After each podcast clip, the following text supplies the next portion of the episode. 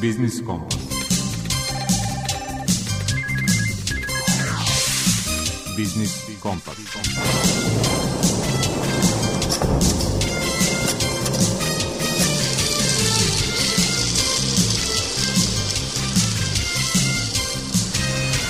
Pred mikrofonom je Đuro Vukelić. Dobar dan poštovani slušalci. I ovog popodneva utorkom smo uz Biznis Kompas, stalne rubrike i verujem sadržaje koji će zaokupiti vašu pažnju u narednih 50 minuta. Ukratko, u rubrici Aktuelno podsjetit ćemo se polaganja kamena temeljca za izgradnju fabrike japanske kompanije Nidek u Novom Sadu. Temi koja obećava ili barim definiše razvoj namenjena je i rubrika iz mog ugla. O razvojnom planu autonomne pokrene Vojvodine do 2030. govori rukovodilac sektora za strateška istraživanja, inovacije i razvojnu ekonomsku politiku u Razvojnoj agenciji Vojvodine Maja Sokić.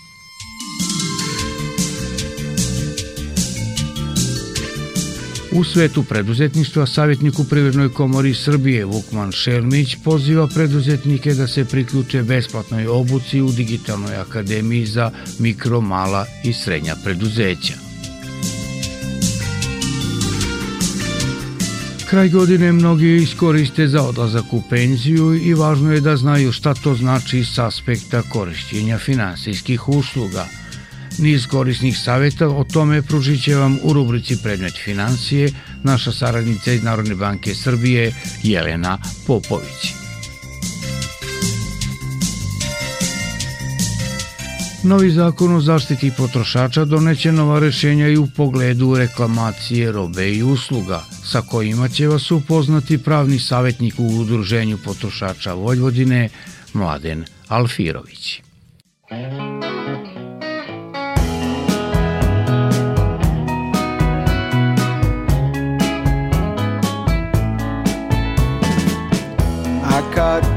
Crying, trying to hide your tears away, and all the while I never knew you felt this way. I've loved you from the start. How could we let this come apart? We've got to put the sun back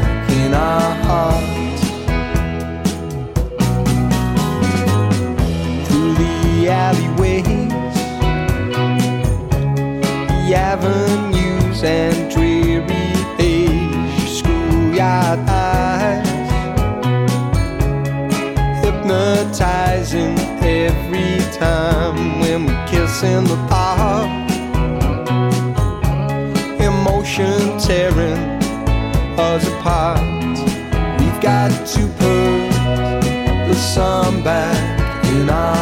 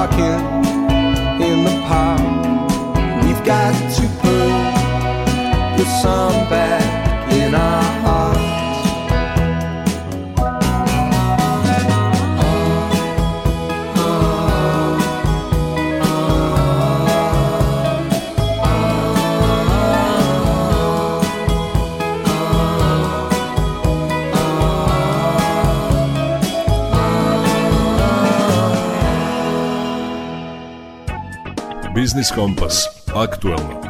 U industrijskoj zoni Sever nadomak Novog Sada ovih dana je svečano obeležen početak izgradnje fabrike za proizvodnju električnih motora za automobile japanske kompanije Nidek. Kamen temeljac postavili su predsjednik Srbije Aleksandar Vučić, glavni izvršni direktor Nideka Jun Seki i ambasador Japana u našoj zemlji Takahiko Katsumata.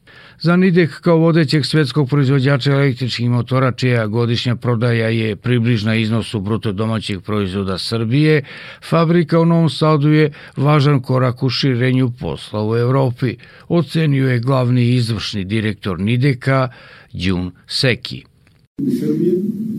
Želimo da se širimo i u Srbiji i da se širimo na evropsko tržište. Zbog toga smo ovde.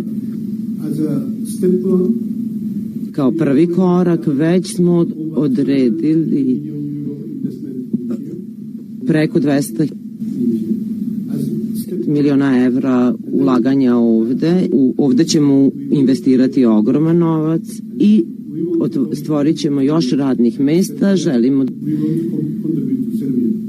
da doprinesemo Srbiji na taj način. Nidek u širenje Evropom namerao da uloži milijardu i po evra. Predsjednik Vučić veruje da će dve trećine tog novca biti investirano u Srbiji, kao i da ova investicija suštinski menja poziciju naše zemlje. Ta visoka tehnologija, ta nova inovativnost i inventivnost, ovo više nisu radno intenzivne fabrike, ovo su kapitalno intenzivne fabrike, ovo su fabrike koje suštinski menjaju poziciju Srbije.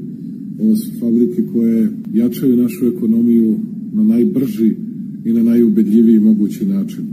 Ambasador Japana u našoj zemlji Takahiko Katsumata je naglasio da će zemlja izlazećeg sunca podržati i ovakve investicije i Srbiju na putu evropskih integracija.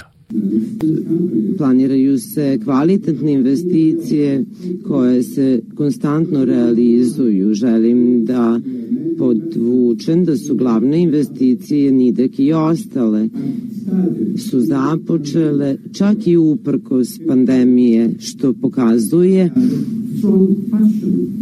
jednu posvećenost i vitalnost japanskih kompanija kao i atraktivnost i poverenje koje možemo imati u Srbiju kao destinaciju za investiranje. Nidek je vodeći svetski proizvođač električnih motora najšire namene sa godišnjim prihodom u 2020. od 50 milijardi dolara. Fabrika u Novom Sadu trebalo bi da bude sagrađena do kraja 2023.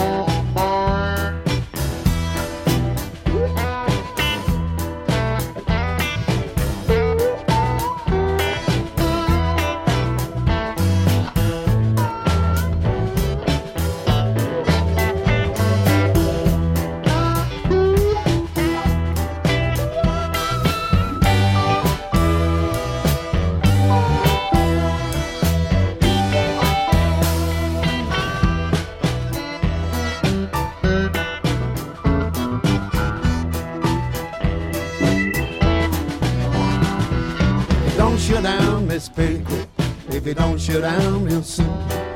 Find yourself out on the street looking for another room.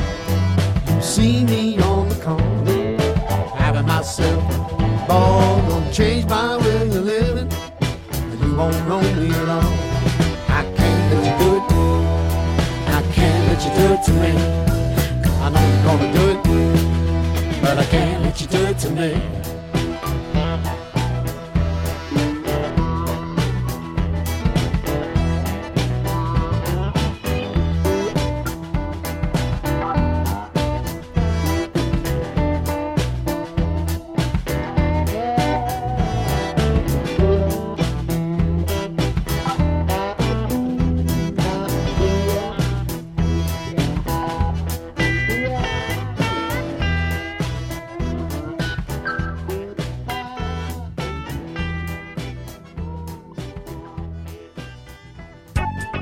Biznis Kompas iz mog ugla.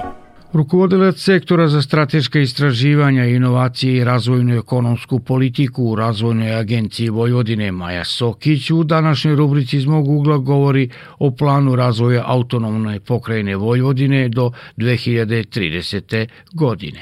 Plan razvoja autonomne pokrajine Vojvodine je projekat izrade krovnog dokumenta kojim će se postaviti smernice i model za vođenje razvojnih politika pokrajinske vlade i koji treba da ponudi odgovore na aktualna pitanja i probleme u cilju napređenja kvaliteta e, života svih ljudi koji žive u Vojvodini. To je projekat pokrajinske vlade i sprovodi se uz podršku Nemačke organizacije za međunarodnu saradnju. Pokrajinska vlada se opredelila za donošenje ovakvog jednog dokumenta ne samo zato što je to zakonska obaveza, već i zbog toga što postoji realna potreba javne administracije da uredi sistem planiranja, da utvrdi prioritete, ali i odgovornosti i da ovaj proces sprovede na jedan transparentan način i na način da u njega uključi najširi krug aktera, zapravo svih onih na koje se te kreirane politike na bilo koji način da da utiču. I zbog toga je celokupan ovaj proces organizovan tako da se u svakoj fazi sprovode obavezne javne konsultacije.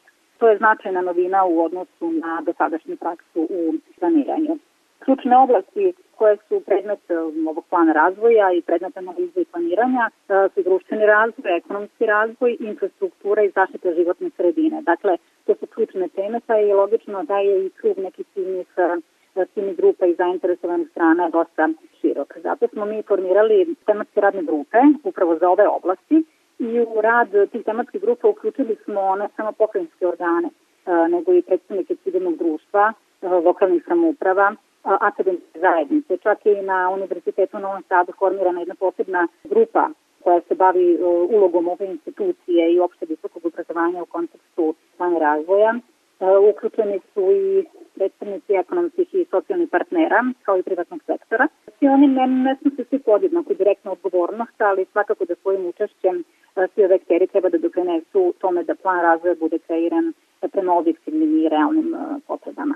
Naš cilj je da sve te aktere povežemo i da se o tim bitnim temama razgovara, da se zajednički utvrde prioriteti, jer samo na taj način se može postići jedan društveni konsenzus oko predloženih pravaca razvoja. Nama kao organizatorima ovog, ovog procesa upravo to je veliki, najveći izazov. Kako da animiramo i da motivišemo sve ove aktere da se kao prvo dobro informišu, a zatim da prepoznaju svoj interes i načine na koje mogu da se učestvuju u, u ovom projektu.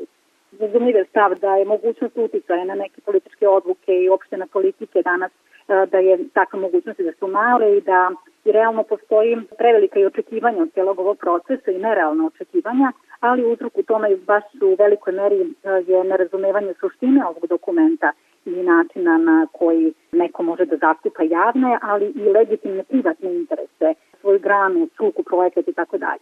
I šta smo mi uradili u tom pravcu? Mi smo s obzirom da uslovima pandemije i ovih važećih epidemioloških mera dosta su ograničene mogućnosti um, okupljanja, tako da smo to pokušali da nekako uh, izbegnemo. To smo kao najbolje rešenje videli kreiranje jedne platforme. Napravili smo uh, internet stranicu plana razvoja kako bismo sve zainteresovane informisali i da bi svi znali u kojoj se aktualnoj fazi projekat uh, nalazi i da mogu da vide na koje načine se mogu da se uključe u proces uh, javne konsultacije. Dakle, e, javne konsultacije se trenutno u ovom procesu odvijaju u nekoj online varijanti, ali nam je plan da u perspektivi ako okolnosti to dozvole da ćemo e, organizovati i panel diskusije, konferencije i tako dalje. Dakle, nama je važno da se tim temama pristupi multisektorski, da se se sagleda sa više aspekata. Jer, na primjer, kao što znamo, Vojvodina nema ingerencije u vođenju makroekonomskih politika što ne znači da ona nema neki prostor u kome može da kreira mere podrške privredi. I onda kada se bavimo pitanjem prioriteta u oblasti ekonomskog razvoja i podrške privredi, ko o tome može da priča bolje od samih privrednika, javnih preduzeća, razvojnih centara, univerziteta na Sadu i tako dalje. Dakle, e, sve mi treba staviti za isti sto, im priliku da zajedno dođe do optimalnih rešenja, jer ako e, problemima pristupimo jednostrano, velika je mogućnost da će se tokom sprovođenja ovog plana primetiti neki nedostaci i da će biti nezadovoljnih strana. I upravo tome služite javne konsultacije, što je, na primjer, kada je u pitanju tema ljudskih resursa. To je toliko široka tema i to nije samo demografsko pitanje. To je pitanje koje se tiče socijalnih politika, politika u oblasti tržišta rada, obrazovnih politika i tako dalje. Tako da bez učešća svih relevantnih institucija teško ćemo objektivno i realno postaviti pravce u kojima pokrenjska vlada treba uopšte da deluje i da da proizvede neku, neku, neku promenu. Često se dešava da ljudi ne prave razliku između e, javne konsultacije i javne rasprave. Treba razjasniti da javne konsultacije dešavaju i one se organizuju kontinuirano. Dakle, u svakoj fazi svaka zainteresovana strana ima mogućnost da se uključi, da da svoje komentare i da utiče na neko pitanje. Dok se javna rasprava će se sproveti tek na kraju. I tada je već prilično kasno za bilo kakve veće intervencije i promene, i zbog toga je važno da se svi na vreme uključe i da daju svoj doprinos svojim znanjem, iskustvom, informacijama, idejama, e, posvećim projektima i tako dalje. Tako da naša namera u konačnici je to da kontinuirano podižemo svet, da komuniciramo sa javnošću, da ih motivišemo da učestvuju u konsultacijama tokom pripreme ovog dokumenta, ali i da proces izrade ovog dokumenta sprovedemo ne samo u skladu sa zakonom, e, nego i u skladu sa najvišim standardima struke. Bye.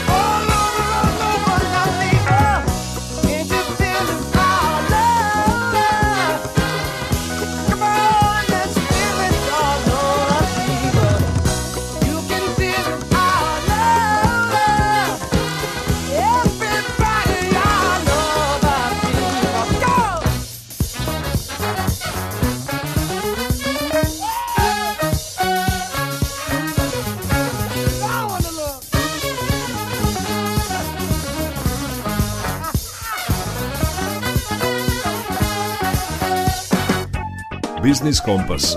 Svet preduzetništva. Centar za digitalnu transformaciju Privredne komore Srbije je uz podršku GIZA, Nemačke organizacije za međunarodnu saradnju, prošle sedmice pokrenuo Digitalnu akademiju za mikro, mala i srednja preduzeća koja će znanja i veštine biti dostupni vlasnicima i menadžerima tih preduzeća posredstvom akademije. Pitali smo savjetnika za cirkularnu i zelenu ekonomiju i digitalnu transformaciju u Privrednoj komori Srbije, Vukmana Šelmića. Na osnovu programa koje je Centar za digitalnu transformaciju do sada realizovao u smislu konsultantske podrške malim i srednjim preduzećima u Srbiji, mi smo imali direktni uvid u potrebe, najnužnije potrebe malih i srednjih preduzeća u smislu uh, digitalne transformacije. Time smo se rukovodili kada smo koncipirali digitalnu akademiju upravo prevashodno za vlasnike i menadžere malih i srednjih preduzeća, ali treba reći da je ona otvorena za sve druge ljude koji imaju interesovanje u domenu digitalne transformacije, bez obzira da li rade u malim i srednjim preduzećima, da li žele da se edukuju, da li možda hoće da naprave svoju profesionalnu transformaciju, da nauče nešto iz tog domena i tako dalje. Takođe važno reći da je Digitalna akademija koja je počela sa radom, otvorena je 6. decembra, pre 7 dana, u ovoj promotivnoj fazi e, apsolutno besplatna. Ona se sadrži iz četiri za sada osnovna modula, odnosno programa. Prvi program je takozvani foundation na engleskom ili, ili osnovni program u kome korisnici stiču osnovna znanja o tome šta je digitalizacija, šta su digitalni trendovi, šta je lanac vrednosti, odnosno disruption ili prekid lanca vrednosti u, u kontekstu digitalne transformacije i četvrti podprogram ili submodul je data, odnosno podaci. To je dakle prvi i osnovni program. Osim toga ima još tri, zatim to je program digitalni marketing, koji onda ima svoje podprograme ili četiri suštinska segmenta, istraživanje tržišta, e-commerce, email marketing i socijalne mreže. Treći program je biznis orijentisan ka korisniku, koji opet ima svoja četiri osnovna segmenta, to je CRM, odnosno Customer Relation Management, zatim i iskustvo korisnika, value proposition ili predlog vrednosti i customer acquisition, odnosno akvizicija klijenta. Poslednji četvrti modul ima naslov biznis modeli i inovacije i on se takođe sastoji iz četiri segmenta, odnosno podprograma, biznis modeli, inovacija modela prihoda, inovacija novih korisnika i inovacija proizvoda i servisa. Eto, to su dakle četiri osnovna programa od kojih se svaki sastoji od nova četiri podsegmenta. Na koji način će se odvijati nastava i koliko sve to traje? Nema one, kako bih rekao, tradicionalne nastave u, u tom tradicionalnom smislu, sva predavanja su snimljena u skladu sa digitalnim trendom, sa trendom digitalne transformacije, tako da korisnici se sami prijave na akademiji. Treba naravno napomenuti web adresu, to je www.digitalnaakademija.rs. Znači na tom sajtu Digitalne akademije oni mogu da se registruju i da onda slušaju predavanja online koja su sva snimljena. Predavanja su podeljena u segmente, od korisnika se zahteva da posle svakog segmenta urade jedan mali test koji zapravo evaluira njihovo znanje. Kada prođu taj test, oni idu dalje, osim video predavanja, za koja kažem da su snimljena i podeljena u adekvatne segmente, tu se nalazi i materijal, pažljivo selektirani materijal za čitanje, koji takođe korisnicima pruža adekvatno znanje, ali i za koje oni takođe moraju da prođu odgovarajući test. Na kraju svakog tog submodula ili podprograma nalazi se završni test. Dakle, to je forma digitalne akademije u kojoj e, korisnik se sam prijavi, sam određuje ritam svog e, učenja, ritam svojih testova i tako dalje u skladu sa svojim raspoloživim vremenom i na kraju oni dobijaju jednu vrstu sertifikata koji im potvrđuje da su uspešno prošli sve neophodne testove. Dakle, bez obzira na to što je startovala akademija, nije kasno da se priključe oni koji su zainteresovani za nova saznanja.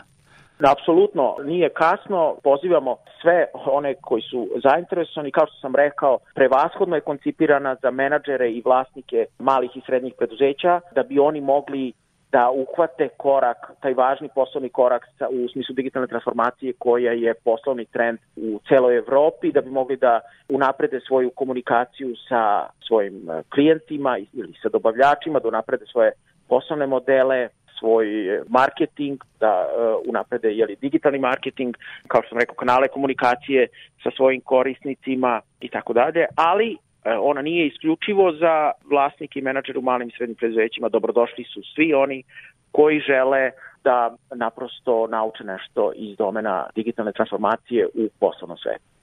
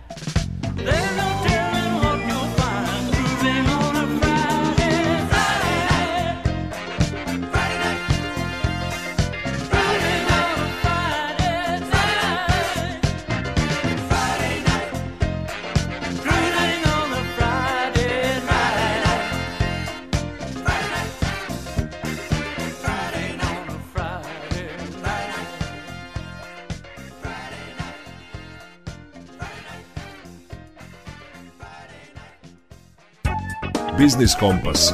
Predmet financije.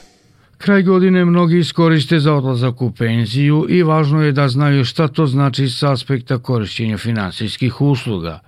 S druge strane, iako nemate staž ili godine koji bi vas uskoro učinili penzionerom, nije kasno da se opredelite za neki od dobrovoljnih penzionih fondova koji će vam treće doba učiniti finansijski lagodnijim. O svemu tome u rubrici Predmet financije govori savjetnik za edukaciju korisnika finansijskih usluga u Narodnoj banci Jelena Popović. Penzija treba da vam omogući da finansijski budete zbrinuti u starosti da imate siguran prihod nakon završetka radnog veka i iako vam se čini da do penzije ima dosta vremena, da trenutno možda nije vreme da mislite o tome, ona će doći brže nego što se vama to i sada čini. Tako da je naš savjet da počnete na vreme da štedite, redovno izdvajate i manje iznose kako biste obezbedili ugodniju i bezbrižniju starost. Penzija predstavlja jedan od vidova dugoročne investicije u koju ulažete tokom celog radnog veka i nikad nije kasno da počnete sa štednjem za penziju. Čak i ako počnete pažljivo da upravljate ličnim financijama samo nekoliko meseci pre, to će vaš odlazak u penziju učiniti lakšim. Za početak treba da sagledate svoje mesečne prihode i rashode i napravite naravno prioritete. Kod nas za sada postoje dva vida penzije, državna i privatna. Sistem državnih penzija obavezno penzijsko osiguranje koje se zasniva na tekućem finansiranju, što znači da svaki čovek koji danas radi ostvaruje prihod po principu obaveznosti i izdvaja kroz doprinose za penzijsko invalidsko osiguranje sredstva za finansiranje penzije i država vam omogućava da imate starostnu, invalidsku ili porodičnu penziju kao i novčanu naknadu za telesno oštećenje, za tuđu negu i pomoć. Treba da znate da ćete pravo na starostnu penziju ostvariti samo ukoliko imate minimum 15 godina radnog staža. Naravno, visina državne penzije zavisi od trajanja perioda u kome se uplaćuje doprinos i od visine plate. Ispod ove penzije garantuje država i ona se isplaćuje na mesečnom nivou. Međutim, treba da imate u vidu da penzija može biti nedovoljna da obezbedite životni standard na kakav ste navikli u toku radnog veka. Ukoliko želite da obezbedite sebi privatnu penziju, potrebno da se učlanite u neke od postojećih dobrovoljnih penzijskih fondova. Pre nego što odlučite u koji fond da se učlanite, prikupite sve podatke o više fondova, uporedite ih, a zatim izaberite onaj koji vam nudi najbolje uslove. Naravno, nemojte se oslanjati samo na reklamni materijal. Osnovni izvor podataka o fondu je prospekt i u njemu se nalaze sve bitne informacije o fondu, a potpisivanjem ugovora o članstvu vi postajete član fonda. Kada izaberete fond u koji želite da se učlanite, potrebno je prvo da potpišete ugovor o članstvu. Ugovor sadrži podatke o članu, društvu, obveznik uplate u fond, tipski je ugovor. Sredstva na vašem računu koje akumulirate za budućnost uvećavaju se uplatom doprinosa i prihodom od investiranja. Dakle, uplaćena sredstva se investiraju u hartije od vrednosti izdavalaca sa visokim kreditnim rejtingom, a ostvarena dobit redovno se prepisuje na vaš račun. Dobrovoljni penzijski fondovi su vrlo slični ostalim investicijama s tim što imaju nekoliko specifičnih pravila. Sredstva možete uplaćivati i vi i vaš poslodavac, možete ostvarivati poreske olakšice na doprinose koje uplaćujete. Vaša privatna penzija ne zavisi od dužine radnog staža, već od redovnosti uplata, dužine perioda u kojima vršite uplate i načina na koji se ta sredstva investiraju. Ukoliko ne možete da vršite redovne uplate, to neće biti razlog da izgubite do tada akumulirano sredstvo. Uplatom doprinosa u fond kupujete investicione jedinice, a vrednost investicione jedinice menja se u zavisnosti od kretanja cena hartija od vrednosti i druge imovine u koju su uložena sredstva fonda. Ukoliko želite da saznate koliko ste investicionih jedinica kupili, to možete utvrditi uvidom u stanje na, vaš, na vašem individualnom računu elektronskim putem, jer su fondovi dužni da svakog radnog dana objavljaju vrednost investicione jedinice. Jedan od odlučujućih faktora pri izboru fonda treba da bude visina naknada koje plaćate za usluge društva za upravljanje. Postoje dve vrste naknada. Naknada za doprinose, koja se naplaćuje prilikom uplate penzijskih doprinosa i obračunava se kao procenat vrednosti izvršenih uplata koji utvrdi društvo za upravljanje i naknada za upravljanje koja se naplaćuje iz imovine fonda i može iznositi do 1,25% vrednosti imovine fonda na godišnjem nivou. Povlačenjem sredstava sa individualnog računa možete početi kada ispunite zakonom propisanu starostnu granicu, to je 58 godina, za članove koji su potpisali posle 2011. godine ugovor, od kada su izmenjeni odredbe zakona o dobrovnim penzijskim fondovima, a za članove koji su potpisali pre 2011. ta starostna granica počinje sa 53 godine. Imate izbor da dobijate redovne isplate iz fonda dok ne potrošite ušteđena sredstva, da prenesete svoje sredstva u društvo za osiguranje i obezbedite sebi doživotnu dodatnu penziju, povučete sredstva jednokratnom isplatom ili kombinujete načine isplata sredstava. Izuzetno pre ispunjenja starostne granice sredstva sa računa možete podići u slučaju trajne nesposobnosti za rad, a sredstva morate početi da povlačite najkasnije s navršenih 70 godina života. U slučaju smrti člana fonda sredstva se prenose lica, licu koje je prethodno za to određeno, a ukoliko tako lice nije određeno, postupa se u skladu sa zakonom koji reguliše nasleđivanje.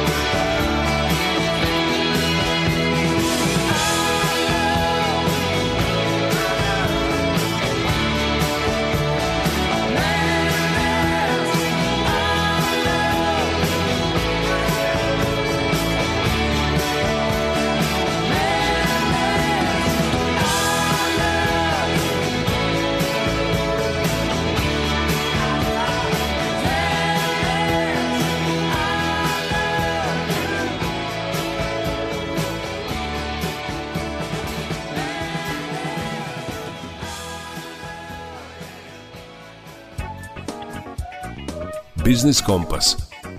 Potrošačka korpa prava.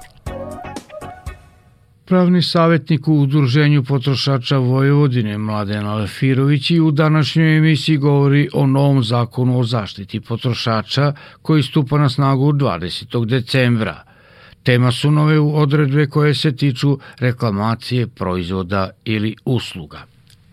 Ono što možda važno napomenuti jeste da je u novi zakon uneta odredba da je trgovac u obavezi da primi reklamaciju. Koliko god to zvučalo besmisleno, često se dešavalo da recimo kad potrošač želi da reklamira određenu robu, ima dokaz o kupovini, ima fiskalni račun trgovac prosto odbija da, da primi reklamaciju, upućuje ga na servis, govori kako on nema ništa sa tim, kako potrošač treba da se javi ovlašćenom servisu, međutim ono što je važno istaći što možda potrošači ne znaju jeste da su oni u ugovornom odnosu sa trgovcem.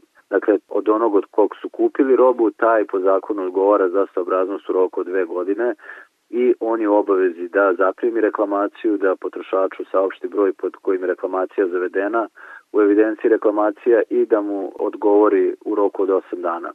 Dakle, svako upućivanje potrošača na, na ovlašćeni servis ili nekakvi izgovori da trgovac, odnosno prodavac nije u obavezi da primi reklamaciju, da nema ništa s tim i slično, je prekršaj po novom zakonu. Ono što je takođe novina jeste da se uvodi rok u kom je potrošač dužan da se izjasni na odgovor trgovca. Dakle, trgovac je u obavezi da odgovori u roku od 8 dana, da li se tu negde slaže sa zahtevom potrošača koji je potrošač istakao u reklamacijonom listu i o predlogu za rešavanje reklamacija.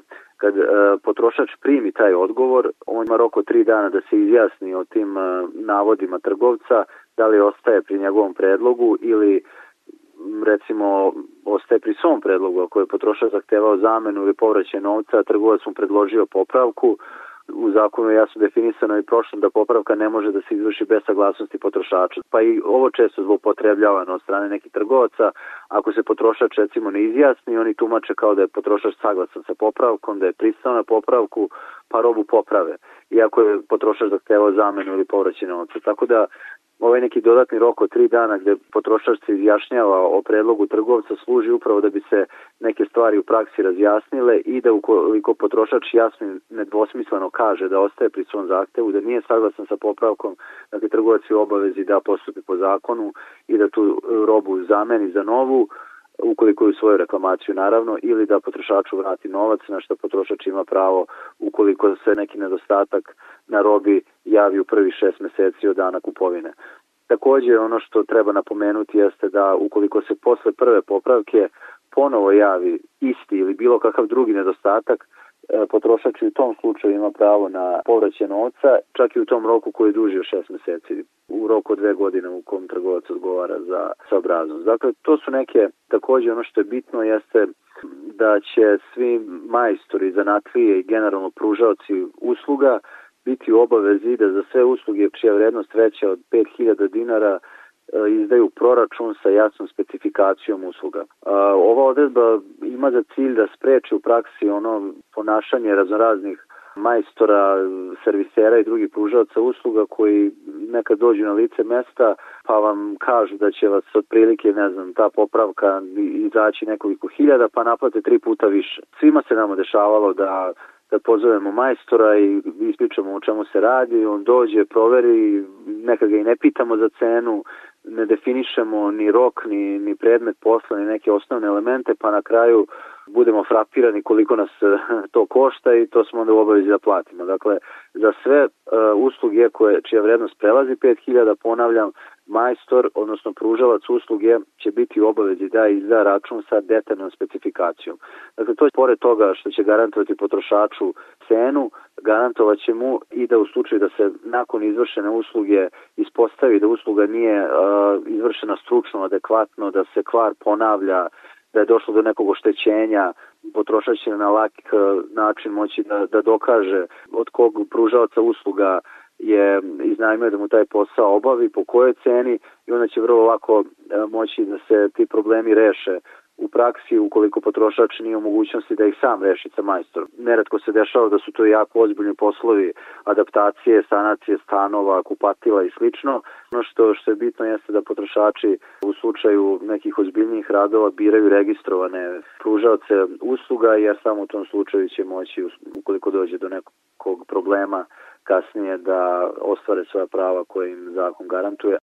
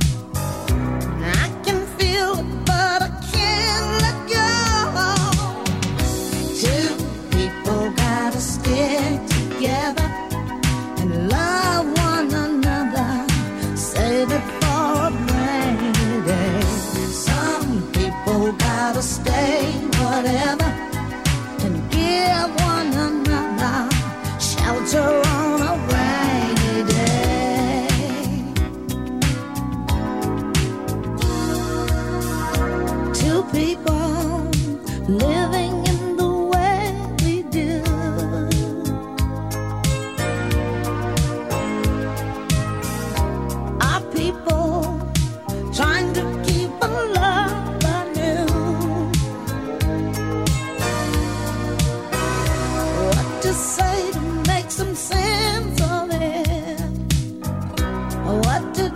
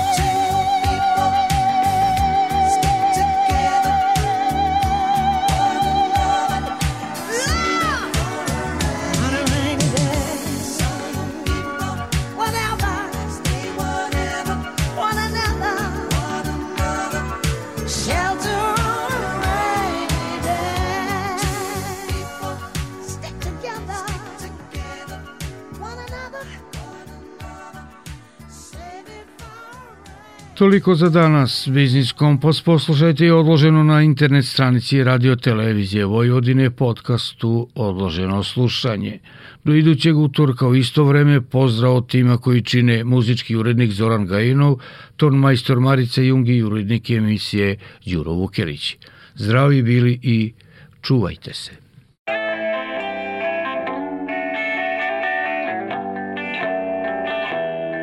There's a love